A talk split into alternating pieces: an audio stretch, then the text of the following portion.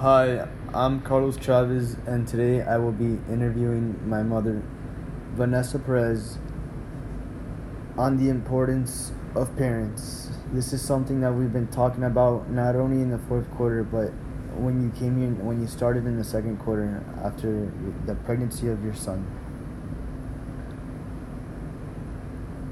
This quarter, I've learned a lot through poetry and what we can achieve in society. There will always be problems in society, and there will never be permanent fixes, but we could always take little steps to improve. And I think something that's important and something that's underrated in the society is the importance of parents. They don't get appreciated enough. This is something that we have to put further in the microscope. and learn more about. So today I will be asking my mom what is, what is the importance of parents? Parenting is the foundation of, of family, the foundation of society. Uh, we're a reflection of our childhood. Uh, it's not always perfect, but we instill values and we instill morals. It's not always mom and dad. Sometimes it's a step parent, a grandparent, a close family member. But uh, truly, we are a reflection of our young years in life. And how would you describe your childhood and your parents? My childhood was not perfect, but it wasn't awful. Uh, my parents got divorced at a young age, but I was taught that uh, I was very loved by both, even though they couldn't agree on many things in life. And uh, I think I'm a perfect example of a of good parenting, even though there was a divorce uh, early on. Yes, I think that's a very common misconception that parenting has to be perfect. It's far from it and will never be perfect. Um, me, I'm I don't have a perfect um, parents, but I love them to death. Yeah, and I will forever be grateful for them and all the morals they've taught me in life and how to be nice to other people. Um, were you scared of raising kids at first? Absolutely. Uh, we doesn't come with rules nor a manual, and many of the decisions that we make are based on our own childhood. Uh, you always have to think you raise them for the outside world and, and not for ourselves. So it's definitely tough, but uh, it's great to see when your kids grow up and they're good human beings.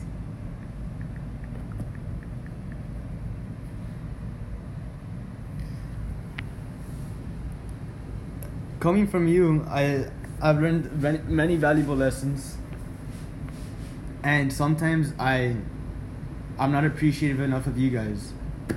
Um, sometimes I realize if I ever talk back, I'm like, wow, I shouldn't have done that, and then, well, and I feel guilty, honestly. So I try to fix those mistakes and always go the mile above when they need something from me.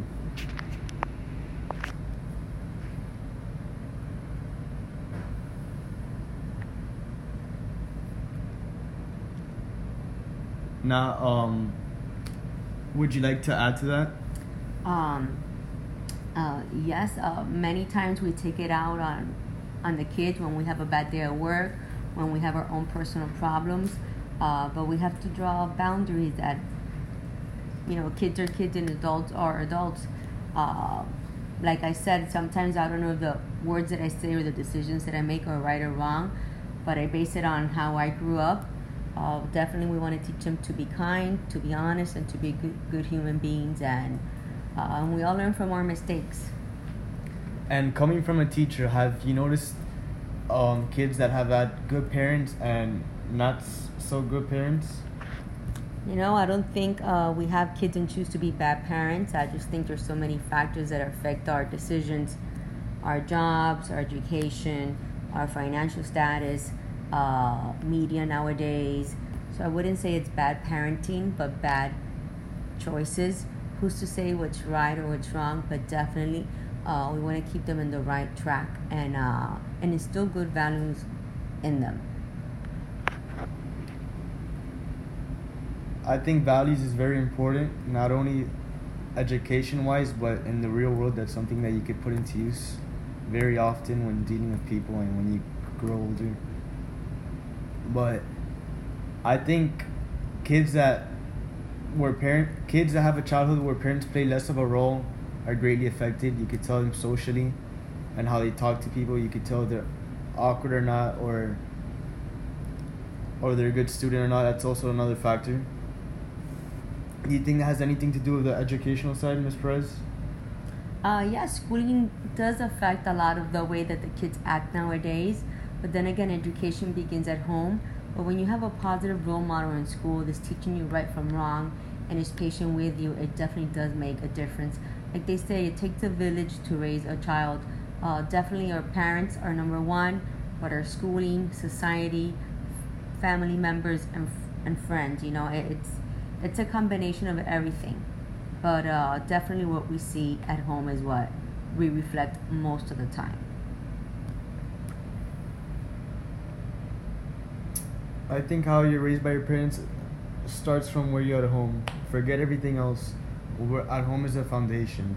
Either whether it's school, whether it's sports, that's where it comes from, and that's where good parenting and bad parenting differentiates itself. Me personally, I think I had a very good childhood where my parents played a great role. And would you have any final thoughts, Ms. Perez? Uh, like I said before, uh, parenting doesn't come with a manual. Uh, maybe what's right for one, it's wrong for the other one. Uh, as long as we do it with genuine intentions and we want the best for them, I don't think there's any uh, space for bad parenting. We try our best and we learn from our mistakes. Thank you so much. This is something that me and my class will share later this week.